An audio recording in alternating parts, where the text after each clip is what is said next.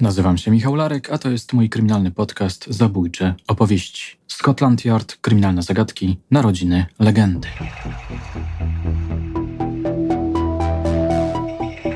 Żadnego smutku, żadnego zbożnego strachu, żadnego wstrętu, żadnej powagi.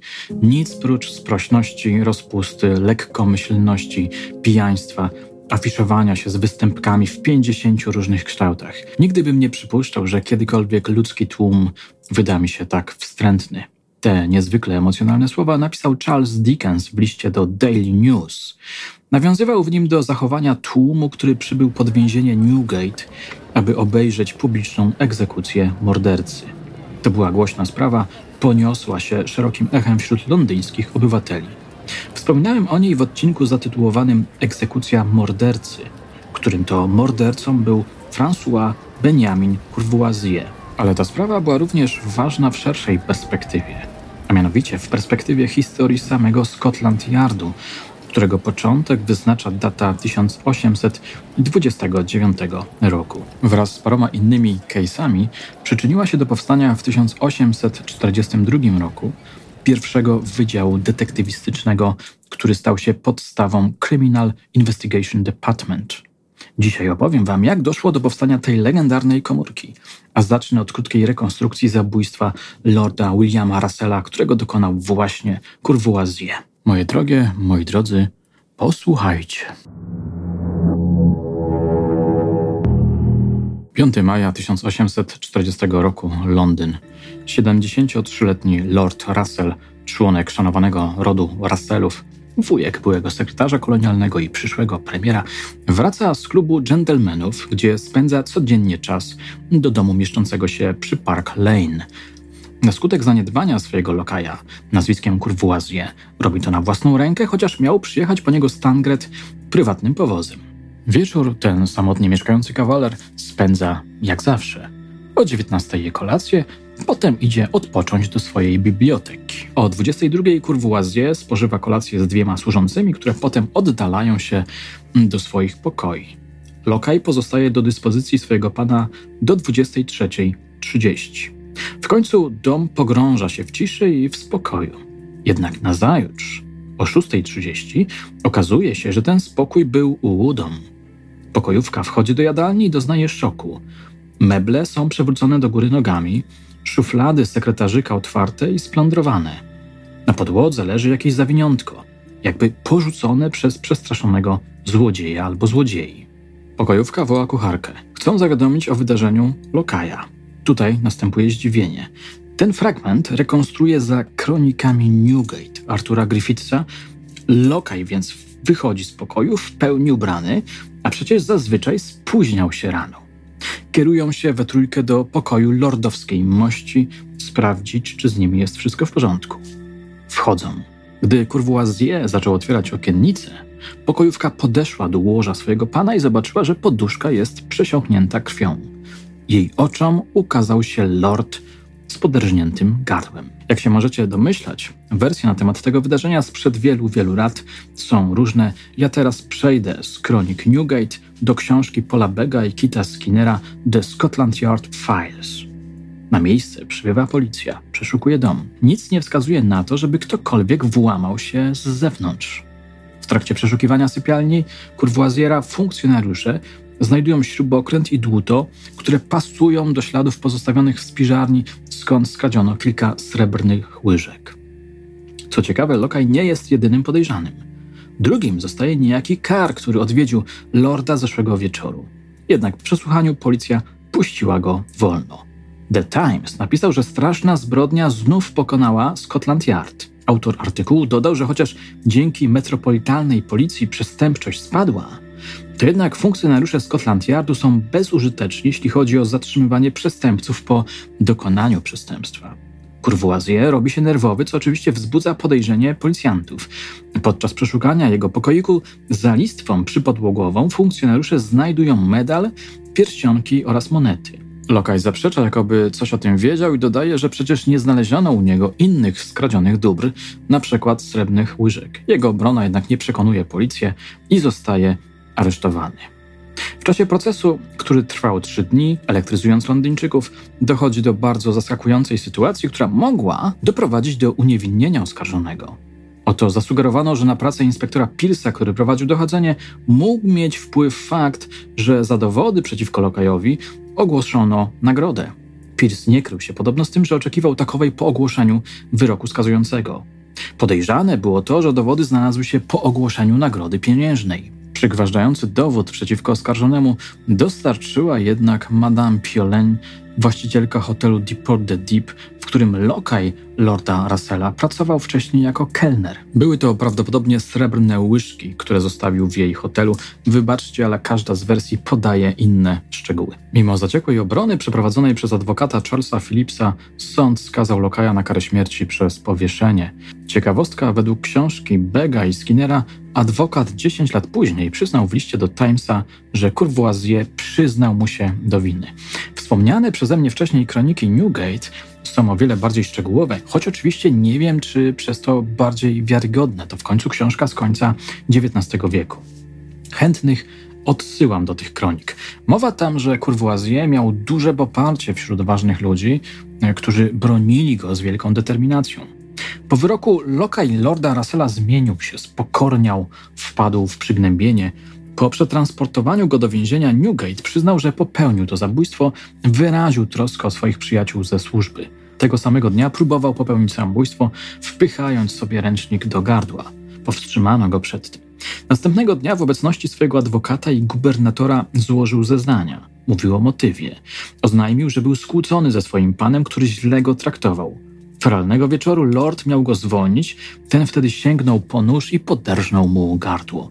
Nie dano wiary tej opowieści. Podobno w innych dokumentach Lokaj przedstawiał inne wersje, za dużo było tutaj rozbieżności. Ostatecznie, jeśli dobrze rozumiem, w pewnym momencie wyłonił się portret Courvoisiera jako człowieka chciwego, leniwego, skłóconego z lordem, który nie zawahałby się zabić w imię zysku. Jego oświadczenie zawierało taki oto wymowny fragment. Opinia publiczna uważa mnie teraz za kłamcę i nie uwierzy mi, gdy powiem prawdę.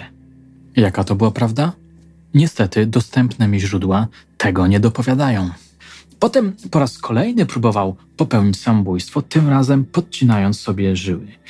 Ostatnie dni zabójca spędził ulegając religijnemu nastrojowi. W tym czasie dostał list od matki, która napisała, że mu przebacza. Takeraj, jak pamiętacie z odcinka Egzekucja mordercy, twierdził, że Courvoisier w noc poprzedzającą egzekucję opisał całą prawdę o swoim czynie, ale w kronikach nie ma o tym wzmianki. Może kiedyś uda się dotrzeć do tej narracji. Jestem niezwykle ciekaw, w jakim świetle przedstawia ona zabójstwo lorda Williama Russella. Jakie mechanizmy obronne, bo pewnie tak było, zastosował Courvoisier.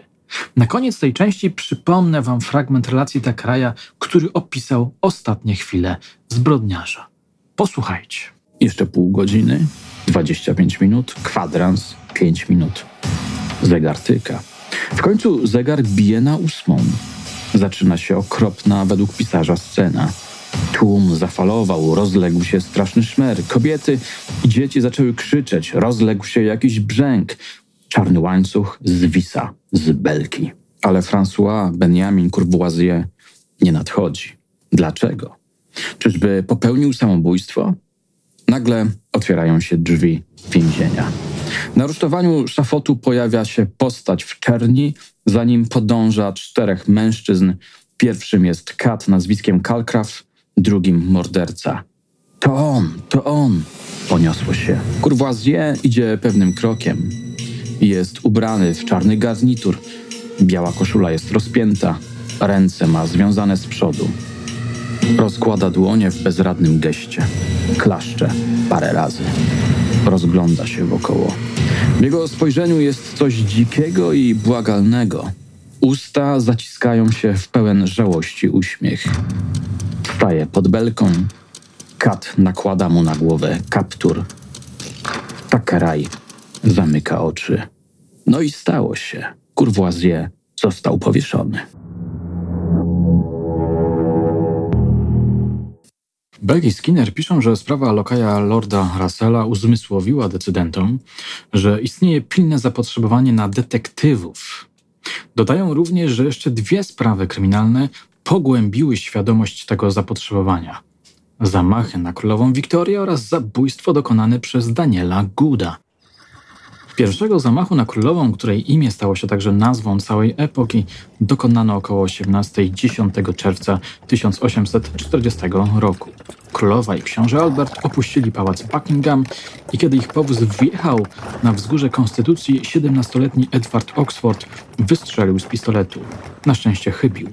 Stąd orzekł, że był niepoczytalny, tak jak jego ojciec i dziadek. Do kolejnych dwóch zamachów doszło w 1842 roku. Potem podjęto jeszcze próby w latach 1849, 1850 i 1882.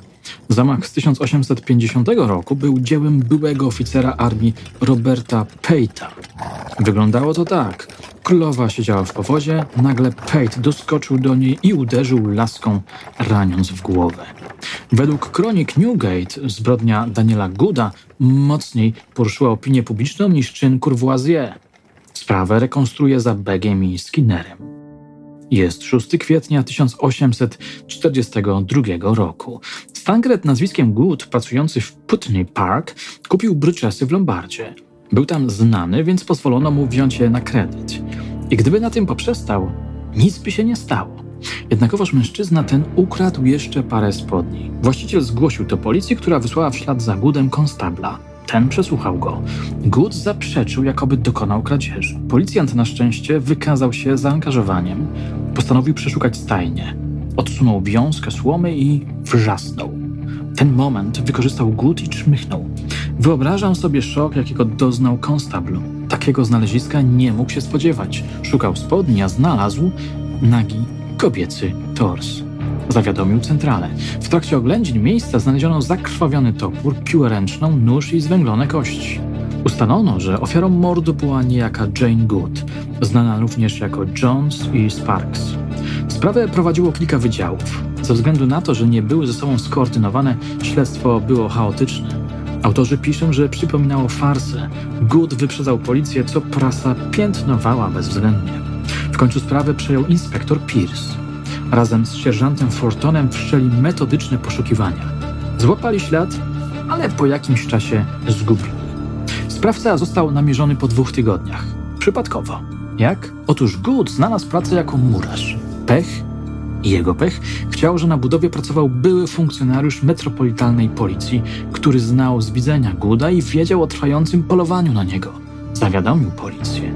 Sprawa dla Gooda skończyła się tragicznie zawisł przed tłumem 23 maja 1842 roku.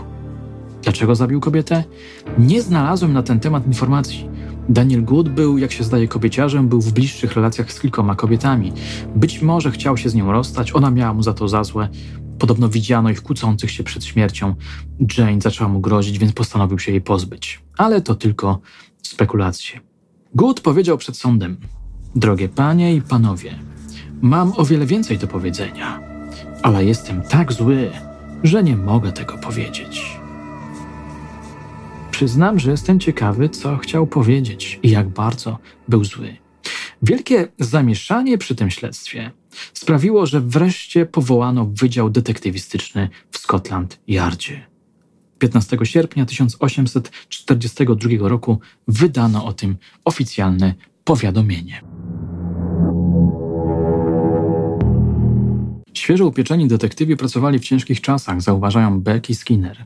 Społeczeństwo się zmieniło i zarazem coraz bardziej niepokoiło się kwestiami moralnymi. Ważnym przykładem ducha czasu jest dla wspomnianych autorów zabójstwo Edwarda Dramonta, prywatnego sekretarza ministra Sir Roberta Pila, konserwatywnego polityka.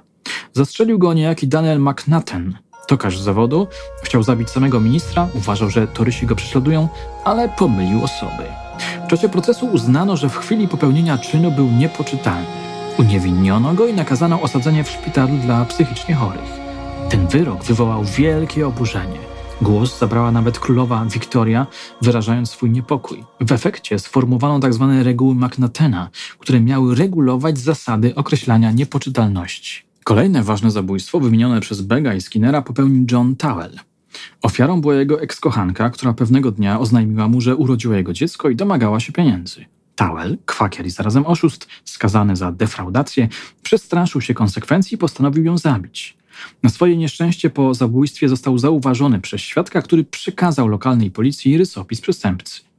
Gdy ustalono, że mężczyzna wyglądający jak kwakier wsiadł do pociągu zmierzającego do Londynu, wysłano za pośrednictwem kolejowego telegrafu, co było absolutną nowością, do metropolitalnej policji. Powiadomiona centrala wysłała swojego funkcjonariusza na Paddington Station. Zabójca został schwytany, a potem uznany za winnego. Towell ostatecznie został powieszony przez kata nazwiskiem Calcraft. Co jest o tyle ważne w kontekście kary śmierci, że ów kat zasłynął ze swojej nieskuteczności. Towell umierał w mękach. Wrócę jeszcze do tego poruszającego i medialnego wątku. Trzecia sprawa, która miała odzwierciedlać zmiany zachodzące w społeczeństwie, dotyczy małżeństwa Manningów, ale o tym opowiem Wam w kolejnym odcinku.